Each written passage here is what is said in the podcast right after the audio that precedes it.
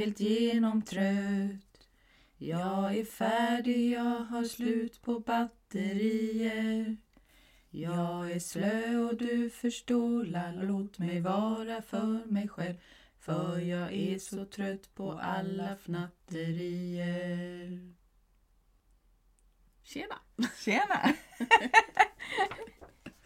Hur är läget Den här då? fantastiska låten hittade vi på Spotify. Och vi tyckte den passade så väldigt bra till det vi tänkte prata om idag. Mm. Så att det, man skulle ju kunna tro att det är vi som har hittat på den. Ja, det är hur? faktiskt inte. Nej, det är andra som är så fantastiska på att hitta på låtar. Mm. Och den passar framförallt in på hur du har känt dig de sista dagarna. Ja men verkligen. Precis så. Mm. Hur mår du annars? Ja, men jag mår bra, tycker jag. Det är ju lite svåra tider nu med det här med covid och känna av hur man mår hela tiden. Minsta lilla symptom så behöver man stanna hemma. Så att, eh, det påverkar ju lite för mig för att jag vikarierar ju också en del på förskolor. Vilket Mm. gör att jag eh, får säga nej till en del vik för att jag kanske är lite snuvig eller så. Men eh, jag mår bra, tycker jag. Mm, vad skönt. Hur mår du? Eh, jo men som sagt, just nu börjar det väl vända lite igen. Men annars så fick jag lite så här energikrasch eller vad man ska säga i lördags. Eh, då hade jag haft två, tre veckor med ganska, ganska mycket. Och speciellt så var det brist på ensamtid. Mm. Och då tar det bara, då tar det typ ja, två veckor någonting sånt. Och sen så kommer den här energikraschen. Gång på gång, jag vet det. Jag har ju haft några föreläsningar. Jag har haft en digital föreläsning, min första. Vilket jag tyckte var jätteenergikrävande. Mm. Jag stod i mitt uterum och eh, hade datorn framför mig. Och för det första så tycker jag att det är så himla jobbigt att se mig själv. Jag, jag ser bara alla fel och har svårt att fokusera egentligen Mm. när jag, när jag liksom ser mig själv. Och sen så hade ju alla de som, det var ungefär 40 stycken, mellan 40 och 50 kanske, kommer inte ihåg riktigt, som lyssnade på mig. Det var en timme då. Och eh, de hade stängt av sina mikrofoner. Så jag fick liksom inget ljud, eh, ingen ljudrespons. Liksom. Nej. Nej. Och sen var det kanske tre, mellan tre och sex som varierat hade på sina kameror. Ja, det var svårt tycker jag. Mm. Alltså för i mina föreläsningar så gillar jag att ha en dialog. Mm. Jag gillar att liksom ha den här... Ja, men ställa frågor till dem. Reflektionsfrågor. Jag tycker om att ha eh, blanda med avslappningsövningar och sådana saker. Och gärna att de får prata lite i bikuper med varandra och sånt. Mm. Och jag kunde egentligen inte göra så mycket alls av Det det som jag brukar. enmansshow istället. Ja. Som inte du egentligen är riktigt bekväm med ju. Nej men precis. Och jag bara efteråt så, så kände jag bara så här, var det här bra överhuvudtaget? Mm. Och det var ju flera stycken som skrev så här Tack så jättemycket för en inspirerande föreläsning och ja, det var många som tackade liksom. Men ändå så, så gick jag därifrån med en så tom känsla. Mm. Så ja, är det en konstig känsla. Och sen har jag också haft ja, men en hel del samtal. Samtal om massage på mitt kontor. Och jag vet inte om varför jag har varit extra liksom skör eller vad man ska säga mottaglig för andra människors sinnesstämningar och sånt just nu. Jag tror att det kan vara årstiden. Mm. Jag påverkas ganska mycket av mörkret. Jag påverkas av vädret. Plus att den här tiden, precis november, december, det är ju då jag brukar få min dipp. Mm. Eh, för det var ju då, för nu sju år sedan, så var det ju exakt nu som jag fick alla blodproppar. Just det. Och låg det på brukar ju intensiven spöka och- lite för dig varje år vid den här Ja. tiden. Ja, jag brukar lättare få ångest, jag brukar känna mig skör och sådär. Mm. Så jag vet inte om det var det eller om det här med bristen på ensamtid och återhämtning, om det har påverkat. Men jag, jag har tagit in väldigt mycket och smittats av andra människors sinnesstämningar och eh, känslor liksom överhuvudtaget. Mm. Så om, om det har varit någon person hos mig som har haft ganska svajig självkänsla, ganska dåligt självförtroende, kanske har varit har fastnat lite i värderande och dömande så har det smittat över på mig. Mm. Och så har jag, jag har nästan direkt undrat om det var mitt. Liksom. Eller jag har, känt så här, jag har känt mig dålig. Jag har känt att jag inte egentligen är bra på något just nu. Ja, men jag tvivlar på hela min förmåga Mm. egentligen. Lite den där känslan av när, när ska någon upptäcka att jag bara är fake egentligen liksom. Ja, men lite. Och just det här, är jag värd att folk betalar för att komma till Mm. mig? Är jag värd att folk betalar för att, att lyssna på en föreläsning med mig? Och det är så himla stor skillnad också beroende på hur man mår i sig själv.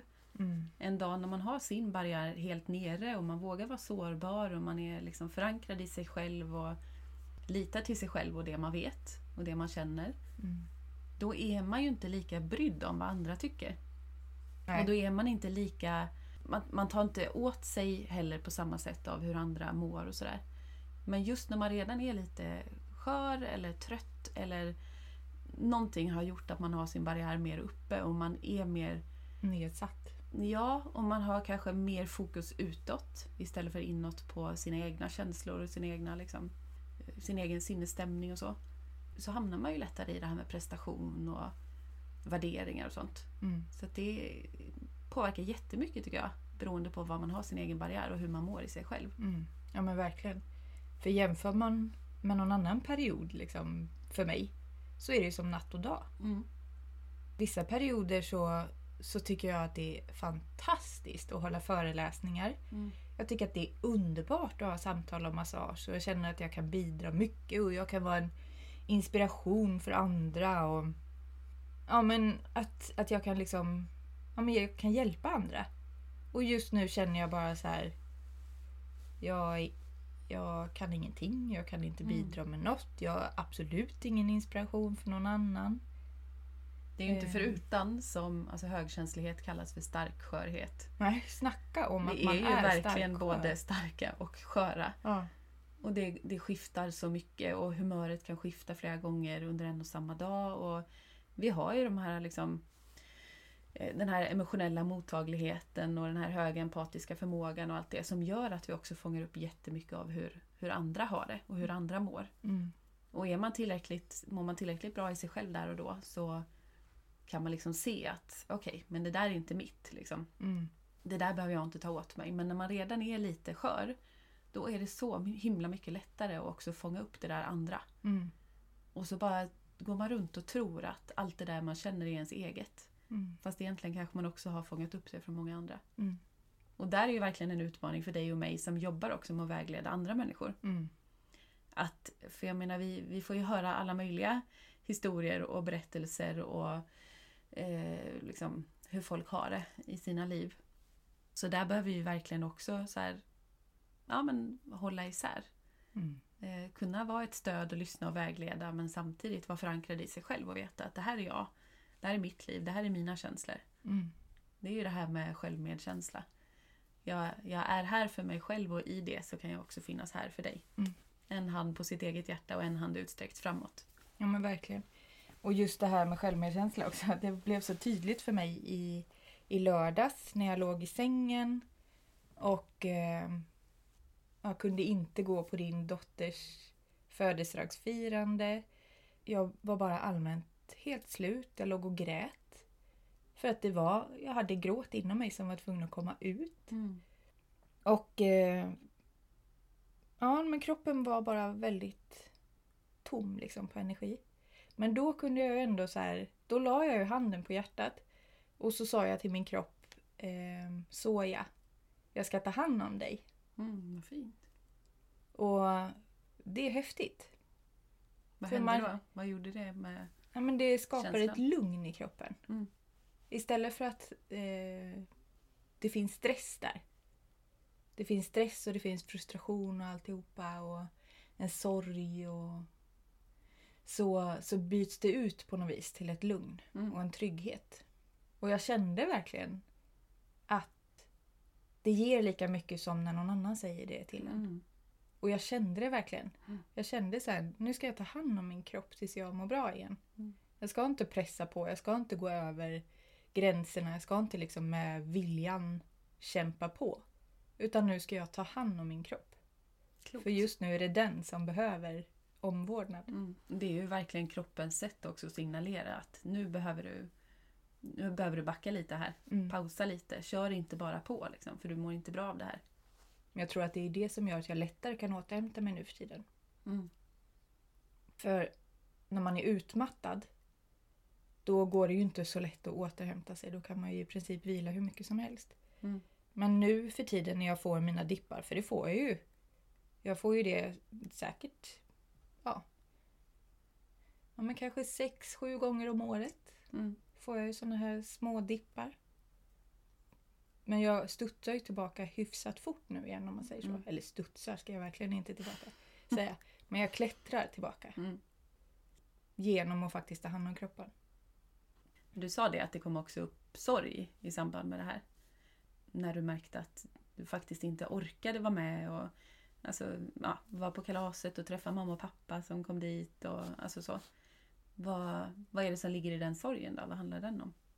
Men i det här läget så var det nog sorgen för att inte kunna träffa mamma och pappa. Mm. För att vi inte kan träffa dem särskilt ofta Nej. nu.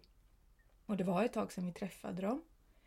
Och eh, vi skulle ses utomhus och ja, men jag längtade efter dem liksom. Mm. Och då kändes det så himla himla tråkigt. Mm. Plus att sorgen tror jag handlar om att man kan känna sig så komplicerad. Mm. Och att man kan känna sig som en dålig mamma och en dålig fru. Och, eller dålig, men sämre. Mm. Sämre än många andra. Och att man kanske känner sig otillräcklig. Och Man vill mer än vad man orkar. ja, Mm. men jag vet ju det. Alltså det är ju som jag brukar prata om på, på mina föreläsningar. Att man kan dela in sig själv i två delar.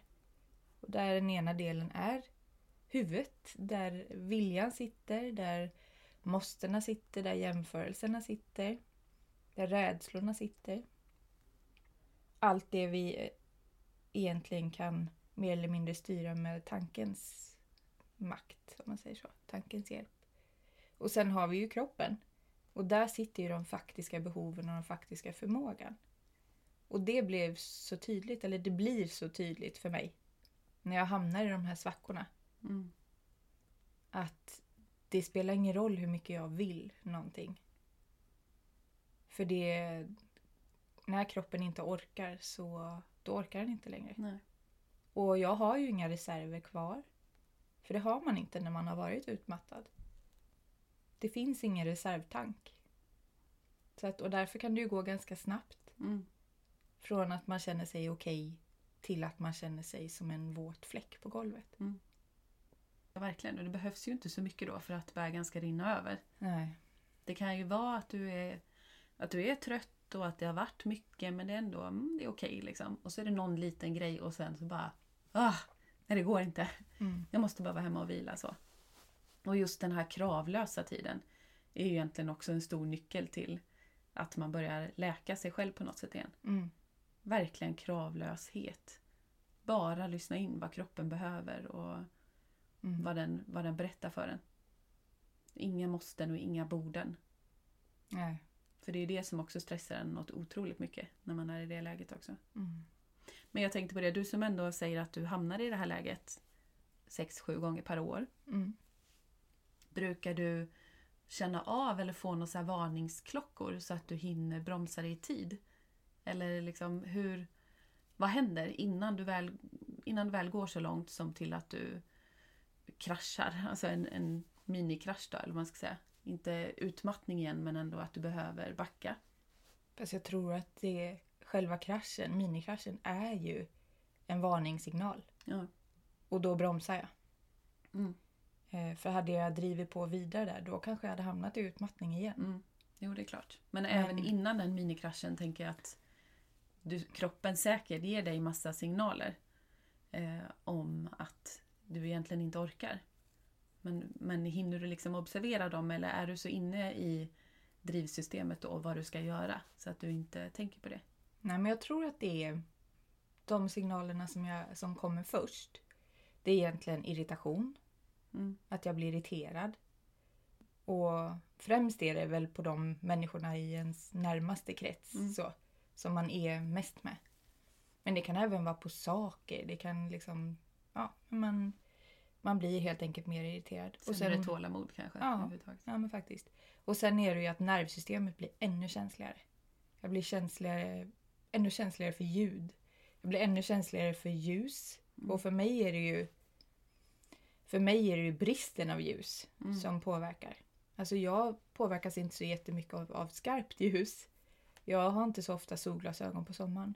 Men jag påverkas sjukt mycket mm. när det är mörkt på vintern. Du har väl till och med en sån här dagsljuslampa hemma? Ja. Som du brukar ha på ibland för att mm, fylla jag... på med lite extra. Liksom. Ja, faktiskt. Som jag fick i present av min man mm. för några år sedan.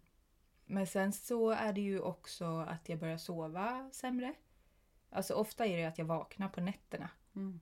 Det är precis som att jag inte får tillräckligt med reflektionstid på dagen. Jag hinner liksom inte bearbeta saker då. Nej. Så därför så tror jag kroppen väcker mig på natten.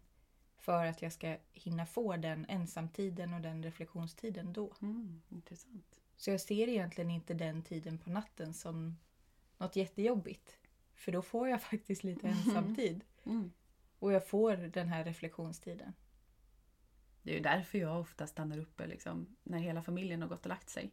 Då kan jag ju vara uppe i två timmar till och bara typ ja, men sitta och färglägga i min målarbok eller göra lite yoga eller vad jag nu gör. Men det är bara så lugnt och tyst. Mm. Kommer ihåg, det har ju pappa alltid gjort också när vi var små. Ja. Han ville ju alltid sitta kvar när alla hade lagt sig och kolla på TV själv. Mm. Det var ju den heligaste tiden på dygnet liksom för honom. Men jag tror det, alltså, som för dig och mig, att, att det handlar också mycket om den här djupa bearbetningen som sagt. Mm. Som, som man har som högkänslig. Mm. Att vi behöver hinna med den och gör man inte det utan det bara är rullande band hela tiden och man aldrig hinner liksom processa det som händer mm. och det man tänker och det man känner. Då blir det lite korvstoppning så till sist så blir man överstimulerad och det blir för mycket. Mm.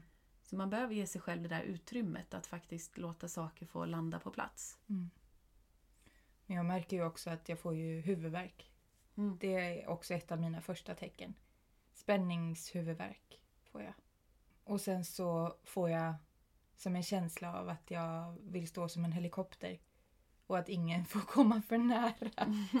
På något vis. Jag har bara lust att så här, ja, få space. Mm. Och det har jag märkt nu också när jag har vaknat på nätterna. Så har jag velat gå in och lägga mig i ett annat rum. Jag tror att det är för att vara själv mm. också. Sen är det skönt att kunna liksom ligga vaken och inte känna att man, att man väcker de andra eller sådär. För mm. våran son sover ju oftast inne hos oss. Men då är det sån otroligt skön känsla att gå och lägga sig i ett helt eget rum. Mm. Helt egen säng. Sånt. Sen kommer ofta min son efter mig efter några timmar ändå. Men då får jag i alla fall en stund själv där. Och ja, vilka tecken brukar du få när du hamnar i överstimulering eller såna här minikrascher? Mm, ja, men jag blir nog också mer självkritisk. Trött Ja, trött glömde jag säga. Man blir ju galet trött. Ja. Lättirriterad. Mm. Jag har också jättestort behov av bara få space. Alltså bara så här, låt mig vara. Så. Och jag kan bli så också, och det, och det hänger ihop också. Alltså när jag är trött eller när jag liksom ja, är låg på energi. Då åker min barriär upp också. Mm. Och då, då blir jag väldigt så här, Då får jag väldigt mycket helt plötsligt fokus utåt på så här hur andra uppfattar mig och hur ser det ut och ja sådär. Då skulle jag typ bara vilja, du vet, ha en så här, cykla runt med en pappkasse på huvudet när man ska lämna barnen på skolan och sånt. Mm. Och inte, inte ens att någon kan se mig typ. Skulle vilja vara osynlig. Ja, jag blir överhuvudtaget eh, skör liksom och sårbar och mm, vill bara typ fly därifrån. Mm. Bara vara ensam. Men det tänker jag på nu när det är så många som, som jobbar hemifrån mm. nu med alla restriktioner med covid. Och där man kanske båda två i paret jobbar hemifrån. Jag har ju turen att vara gift med en lärare som än så länge faktiskt är på sitt jobb på dagarna. Så jag är ju hemma själv förutom förra veckan när jag vabbade. Mm. Eh, och det, det, det märker jag också, det är också ett så återkommande mönster. När jag, om jag har varit hemma då och vabbat under en längre period så i början går det bra och jag är så här, åh ska vi baka och ska vi göra något och vad mysigt och sådär. Sen går det till en gräns när jag får så här. Typ så fort min man kommer hem från jobbet och jag bara Jag måste få vara ensam! Du vet. Mm. Jag tror att det handlar jättemycket om det här att jag hela tiden är uppkopplad mot någon annan. Jag känner hela tiden av den andras energi, Mm. sinnesstämning. Du vet, man vill vara den andra personen till lags. Ska vi göra någonting ihop? Alltså, Mm. ja. Och nu var det ändå så här att jag låg och vilade lite sådär och, och mitt barn då som jag var hemma och vabbade med gjorde grejer själv under tiden och så. Men det är hela tiden ändå det här Kolla här mamma, titta när jag gör det här.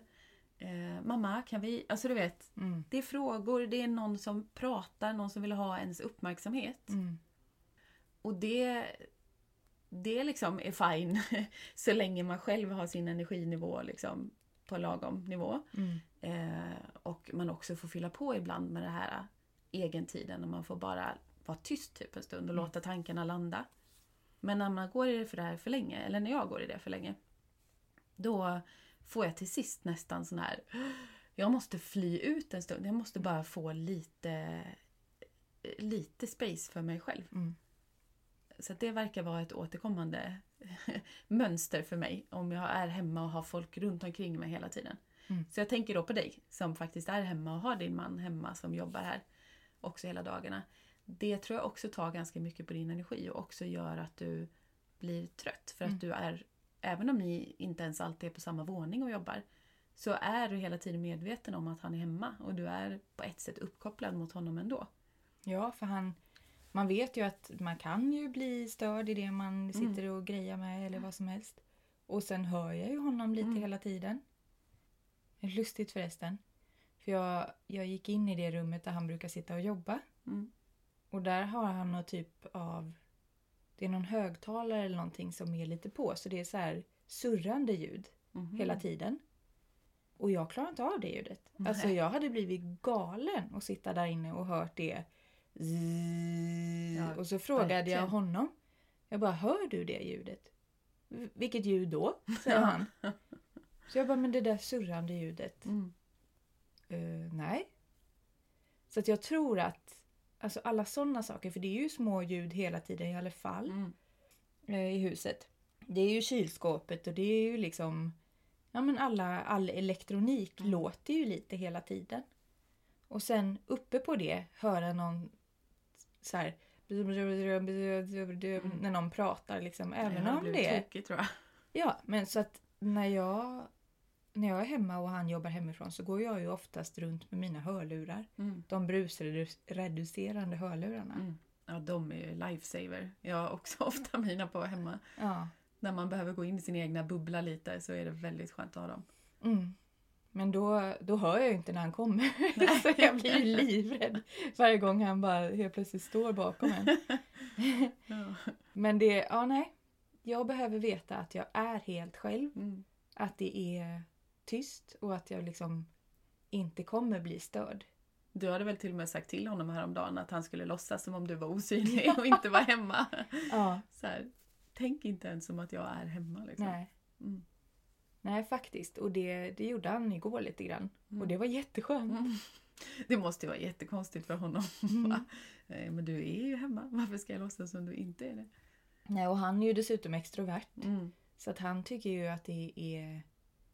Han tycker att det är kul med sällskap. Mm. Och så lever han med någon som är totalt tvärtom. Mm. Det kan inte vara så lätt alltså att leva med mig Nej. alla gånger. Det tror jag inte. Alla har ju sitt liksom. Ja. Alla har ju sina fördelar och nackdelar. Jo, visst är det så. Men det var ju samma nu när vi träffade mamma och var på promenad igår i skogen. Mm. Då åkte hon och var själv här i lägenheten några dagar. Och hon tyckte det var så härligt också att bara vara där ensam en stund. Mm. Och så här, om man lägger fram några grejer så är det bara ens egna saker. Man kan välja helt själv om man vill ha musik eller ha tyst. Om man vill ha tända ljus eller tänt i taket. Och, du vet, alla sådana grejer. Det är som mamma älskar tända ljus och pappa tycker det är jättejobbigt när det är för mörkt. Så han vill bara ha lysrör tänt typ. Och det Mm. blir ju hon jättestörd av. Så att alla sådana grejer också där man har sina egna så här. Mm, det här skapar en mysig känsla för mig. Och så Mm. kommer någon annan och sabbar det där. Ja. Och tycker något helt annat. Så det är mycket att ta hänsyn till ändå när man är på samma ställe hela tiden. Mm. Men det att- som sagt, jag påverkas ju jätte- jättemycket av sinnesstämningar och sånt där. Mm. Och i fredags alltså en dag innan som jag fick den där minikraschen om man säger så. Mm. Eh, då skulle ju min man och din man ha en digital after work musikquiz eller vad man ska säga i vårt utrum. Mm. Och för det första så, så var liksom min man lite, vad ska man säga, lite speedad eller sådär för att han eh, skulle fixa inför det. Fokuserad. Mm. Ja, fokuserad och verkligen i drivsystemet. Så. Och jag kunde till och med liksom ligga, eller ja, sitta i ett annat rum på ovanvåningen när han var på nedervåningen. Och jag kände sån otrolig stress i kroppen. Hmm. Det var precis som att hans, eh, hans hjärtfrekvens och hans liksom stress i kroppen Mm. bara överfördes till mig. Det är ju så sjukt. Mm. Jag hade mina vad heter det, brusreducerande lurar. Jag, jag låg en stund och vilade för jag var jättetrött efter den här. Jag hade en annan en, eh, föreläsning då eh, på fredagen. Och så kom jag hem, var jättetrött, gick och la mig i sovrummet och bara kände mig så otroligt stressad. Mm. Och jag förstod ju sen att det, det var hans, hans sinnesstämning som bara gick rakt in i mitt system. Det är väl det man pratar om också när man säger att någonting ligger i luften. Alltså man känner verkligen av den här energin. Ja. Av att så här, oh, det, är, det är stress här i huset. Eller liksom, Ja Mm. men verkligen. Och sen var det väl att jag hör hur, hur snabbt han springer runt och fixar med grejer och att det Mm. är ett högre tempo. Och Mm. att, eh, så, ja. Men det var skitjobbigt för mig att de skulle ha quiz. Jag behövde inte ens göra något. nej. Men det påverkade mig jättemycket. Ja. Ja, men så kan det vara. Och särskilt då när man själv är stressad och känner att man egentligen bara behöver eh, liksom, få vara själv ett tag och bara vila. Mm. Men jag var ju inte stressad. Nej. Alltså egentligen var det ju inte att jag hade jättemycket saker nu fram, framåt. Men det var verkligen brist på återhämtning. Mm. Det var verkligen, verkligen brist på ensamtiden som bara dränerade mig på energi. Mm. Att, Och eh, det är ju det, alltså, det brukar jag ju säga ibland att för mig är egen tid lika viktigt som att sova typ och äta. Ja, herregud. Jag funkar verkligen på riktigt inte om inte jag får egen tid lite då och då. Nej. Eh, jag mår verkligen inte bra i hela mig själv utan då är det som att, att jag har någon så inre skav och frustration och Mm. nej, det bara känns jätte, jättejobbigt Mm. om jag inte får ladda batterierna och låta allt falla på plats. Liksom. Mm. Men det är väl det som kallas för typ social överstimulering. Mm. Eh, när man påverkar så mycket av andra och Mm. sådär också. Och inte får vara själv och reflektera. Och som högkänslig introvert har man väl ännu större behov av det. Ja, Att faktiskt få dra sig tillbaka ibland och bara så, ja men verkligen. vara ensam. Jag tänkte på det för jag, jag går ju verkligen in i mitt eget skal. Typ. Jag känner mig som en snigel. Mm. När jag har kommit till den punkten att det finns ingen energi kvar att kunna ge till någon annan. Då orkar inte jag svara på ett enda sms. Jag orkar inte svara på telefonsamtal. Jag eh, orkar absolut inte prata med folk. Nej. Jag kommer på det att det tar så mycket energi av mig att prata när jag är socialt överstimulerad. Mm. Och knappt kolla på någon. Nej. Knappt ens ha ögonkontakt med någon. Men det är väl också för att jag läser av och känner in och alltihopa. Mm. Så jag måste verkligen så här stänga ner. Distansera dig lite Ja, något vis. distansera mig och stänga ner hela, hela det här eh, systemet Mm. som går ut till andra. Det var ju det när vi pratade om att vi skulle träffas med mamma igår då. Mm. eh, För hon skulle åka hem sen idag. Så, så sa jag ju till dig att ja, men jag och mamma ska träffas och kanske gå en promenad eller något. Orkar du vara med?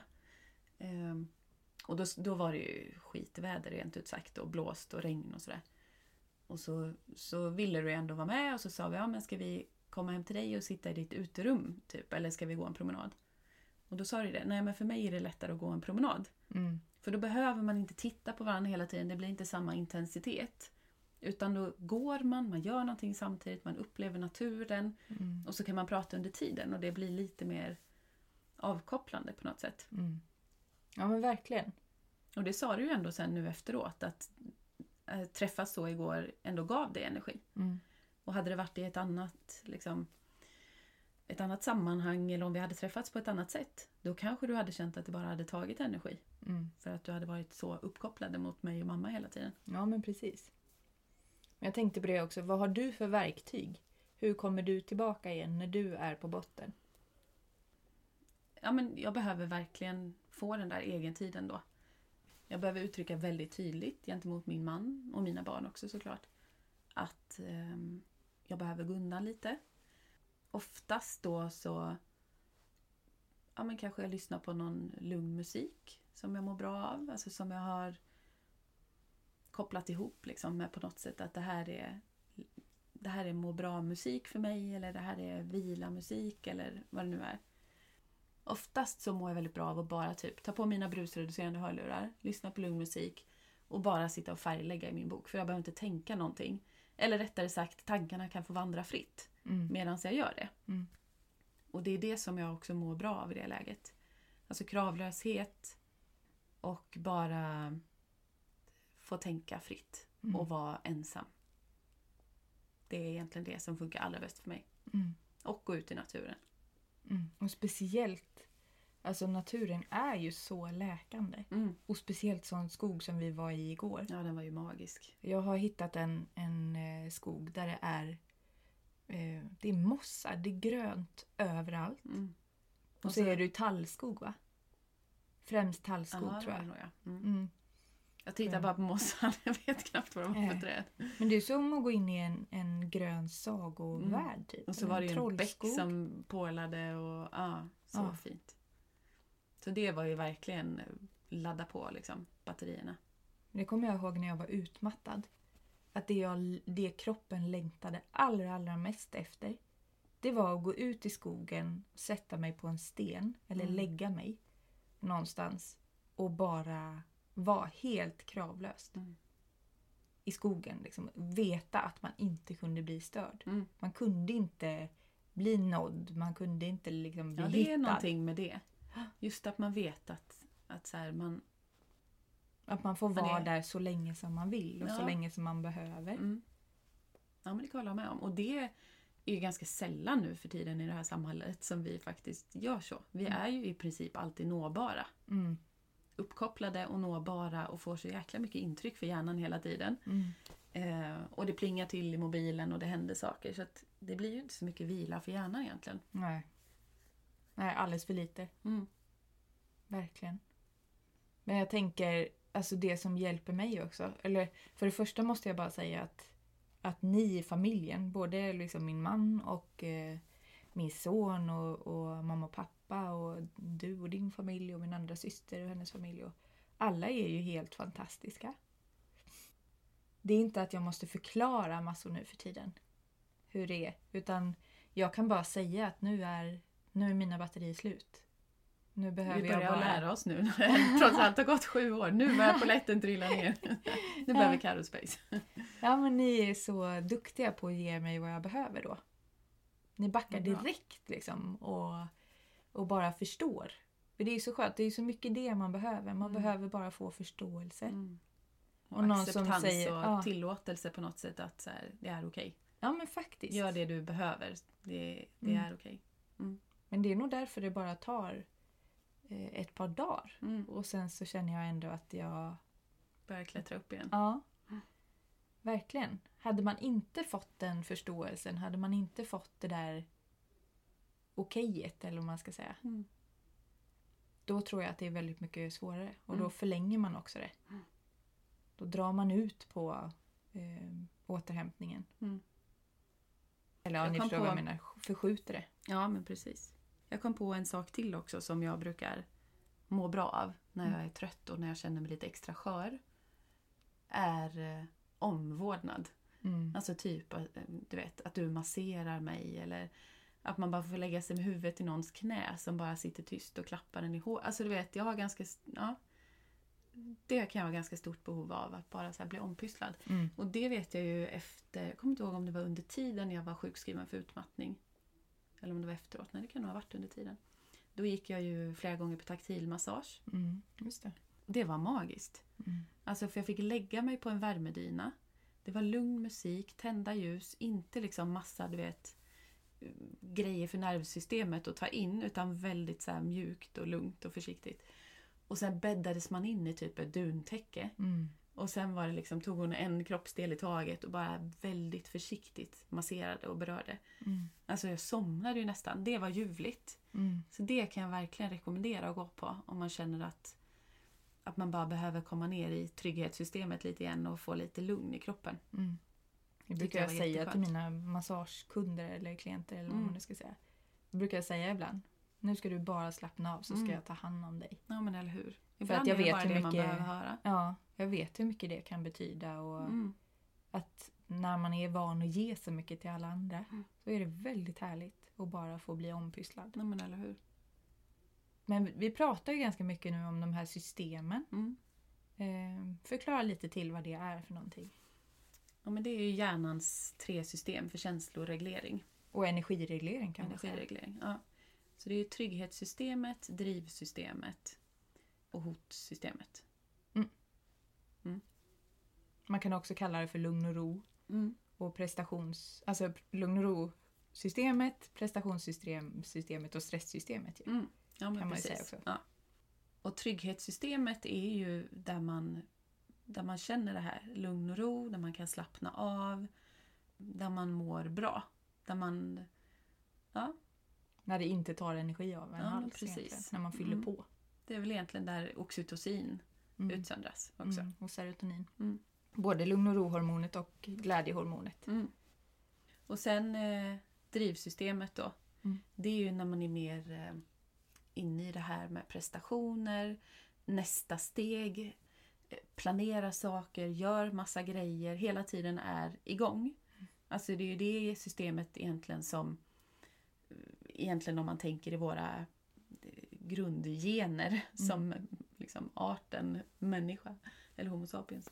Att eh, det är det som skulle göra att man skulle ge sig ut och leta efter mat eller leta efter en partner eller liksom så, överleva och fortplanta sig och hela den grejen. Det var ju drivsystemet som, som hjälpte till med den skjutsen. Liksom. Mm. Och det är också det mycket man kan hamna i när man sitter och bara scrollar på, på mobilen och du vet man hela tiden letar vidare nästan information och nästa grej och nästa grej. Eh, att man inte stannar upp och bara är. Ja, men precis. Utan man är på gång hela tiden. För där, när man scrollar i, i mobilen, speciellt sociala medier och sånt ju, då utsöndras ju beroendehormonet dopamin. Just det. Och det här med likes till exempel. Mm. Och se om någon har skrivit till en och sådär.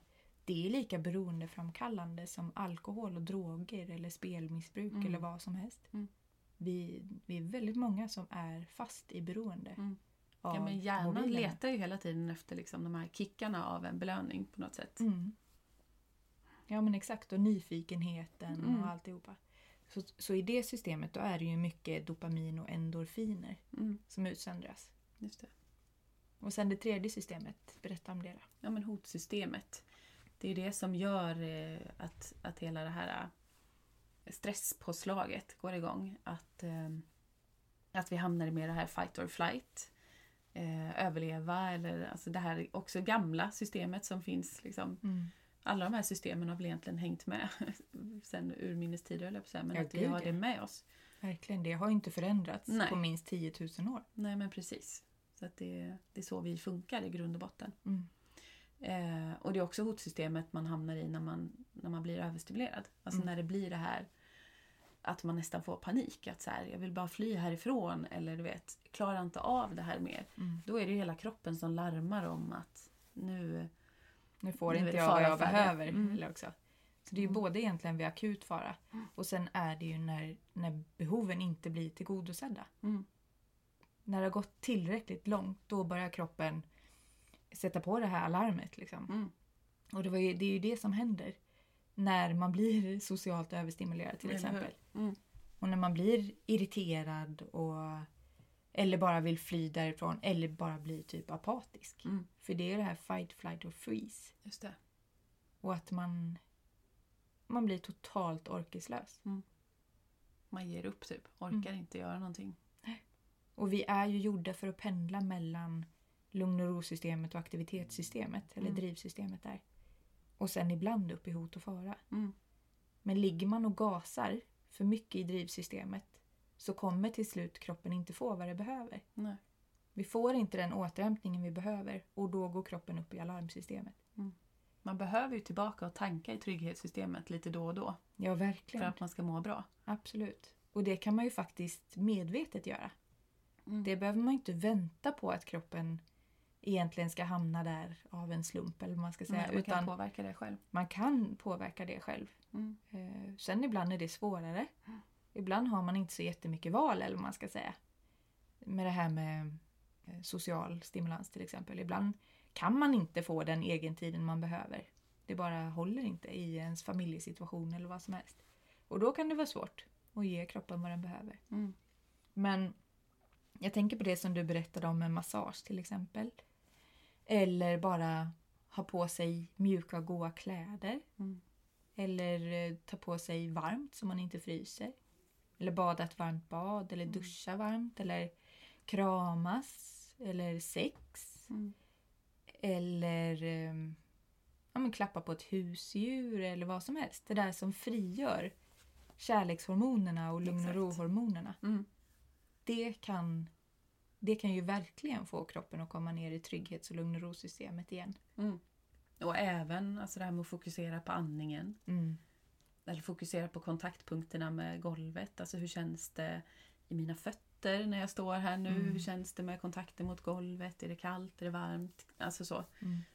Och sen kan man faktiskt också klappa på sig själv. Hur Mm. konstigt det än låter. Men man kan liksom till exempel stryka på sin egen arm. Mm. Speciellt underarmen. Mm. Tänka mig. Speciellt huden på underarmen är extra mottaglig för det här med oxytocinutsöndring. Liksom. För händerna har ju också receptorer för oxytocin. Så Mm. att vi eh, utsöndrar det lättare och frigör det genom beröring. Mm. Och sen kan man också prata lugnande till sig själv. Mm. Gärna i tredje person. Precis så som jag gjorde där till Mm. min kropp ju. Ja, men precis. För det skapar också en, en känsla i hjärnan av att man inte är ensam och Mm. utsatt. Att det inte är panik utan så här, ja men det är lugnt. Alltså, du kommer klara det här. Bara gör det som du behöver här och nu så kommer det här att att ge sig liksom. Och, ja, men du är stark, du fixar det här. Mm. Och då skapar det också en känsla av att man på något sätt är hållen. Mm. Att så här, ja, Att man är men jag trygg. kan slappna av här. Mm. Så det, det kan låta konstigt men man kan lura hjärnan lite där. Ja, Faktiskt. Istället för att säga att jag klarar det här, jag är stark. Alltså sådana affirmationer när det bara är riktat Mm. mot så här, mig själv. Då kan det också skapa en känsla av isolering, att jag egentligen är ensam i det här. Mm. Så det finns ju mycket man kan göra för att faktiskt landa i trygghetssystemet igen. Mm. Och det som jag också tycker är ganska intressant och som man kan pejla av med sig själv är att själv ställa sig frågan så här, några gånger per dag. Okej, vilket system är jag i just nu? Mm. Precis. Eller vilket system har jag varit i mest under den här dagen? Mm. När var jag senast i trygghetssystemet? Har jag varit det någon gång idag? Bara för att lite synliggöra för sig själv att så här, är jag bara i drivsystemet hela tiden? Mm. Då kanske det är dags att börja vakna lite här och faktiskt göra någonting som tar ner mig lite i Mm. trygghetssystemet igen. Ja men exakt. Så man blir lite observant på det där. Mm. För då är det också lättare att bromsa lite i tid istället för att det behöver gå så långt som till att man kraschar. Ja. Jag tänkte också på, på det här, just som du pratade om att man kan fokusera på fötterna och sådär. För det kan ju lätt bli att man fastnar uppe i, i hjärnan. Att tankarna bara går, löper amok liksom. Man blir en huvudfoting. Mm. Mm. Ja, men att det är väldigt mycket fokus på tankar. Och speciellt då tankar framåt och tankar bakåt. Mm. Oro, stress framåt. Eller planerande bara och sånt kan det också vara. Och just det här ältandet bakåt och så. Och då kan det ju vara otroligt skönt att fokusera på det som är här och nu. Mm. Ge hjärnan den pausen. Från de där malande tankarna och, och bara ha medveten närvaro. Mm. Det som också kallas för mindfulness. Mm. Och i mindfulnessen finns ju någonting som heter kroppsskanning. När man faktiskt går igenom kroppen.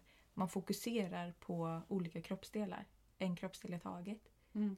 Och då kan det vara så att man börjar med fötterna till exempel. Fokusera på, på din vänsterfot. Hur känns det i foten? Är den varm eller kall? Pirrar den eller sticker eller kliar? Eller kan Mm. du känna något speciellt så? Kan du känna till och med stortån och sen sådär. Och så går man igenom kroppsdel för kroppsdel. Och det finns ju väldigt mycket bra guidade, vad ska man säga? Meditationer typ. Ja, Eller kroppsskanningar. Mm. ja men precis. Guidningar i alla fall. Och det är väldigt skönt att lyssna på när man inte kan sova på natten. Eller Mm. när man inte kan somna. För det är ju oftast för att vi är uppe i huvudet. Mm. Och har svårt att liksom komma ner i lugn och ro och trygghetssystemet och varva ner. Mm.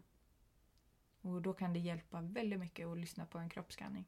Och det är ju också uppe i huvudet. Alltså, man fastnar ju lätt i det här tanketrasslet. Om någonting känns stressigt eller jobbigt eller det är någon situation på jobbet som man du vet, man känner sig att man sitter fast eller så. Mm. så här, hur ska jag göra med det här? Det här funkar inte men jag måste och så. Det är då också man behöver ta ner det i kroppen. Mm. Hur det känns. Hur känns det när jag tänker på det här? Känns det lätt eller tungt? Mm. Vad är liksom rätt, inom citationstecken, väg för mig att gå inom det här? Liksom? Så att, eh, ja. Man vinner väldigt mycket på att lyssna mer på kroppen. Mm. Nästa gång du och jag pratar, då skulle jag önska att vi kunde prata om självmedkänsla. Mm. För det, det är verkligen någonting som, som jag tror att många skulle behöva mer av. Mm. Verkligen. Förklara lite snabbt vad självmedkänsla är bara. Ja, men det handlar ju egentligen mycket om det här med att man... Det är motsatsen.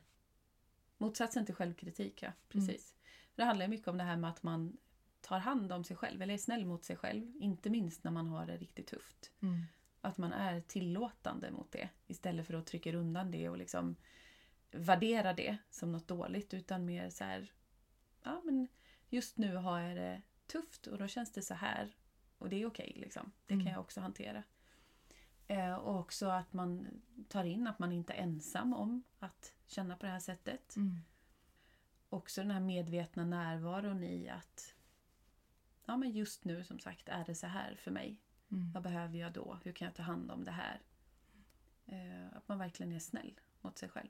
Ja, men precis. Jag brukar ju beskriva det som att, att självmedkänsla är att ge, behandla sig själv med respekt, omtanke och kärlek. Mm. Och som sagt att det är motsatsen till självdömande eller självkritik. Mm. Och att i det så tränar man på att behandla sig själv så som man behandlar dem som man älskar allra mest. Mm. Och det gör ju något otroligt med en när man börjar behandla sig själv med självmedkänsla. Mm. Alltså, ja. Det är ju väldigt härligt alltså. När man börjar bli läkande. snällare mot sig själv. Ja. Det stärker ju självkänslan och det stärker Mm. självförtroende när man har om sig själv. Mm. Och, och som sagt, man börjar sätta gränser. Och, Ja men verkligen. mm. Ja men det är viktigt. Det tycker jag också vi ska ha ett avsnitt om Ja. framöver. Mm. Känner du att det är något mer om det här som vi pratar om idag? Som du skulle vilja lägga till? Nej, jag tror inte det.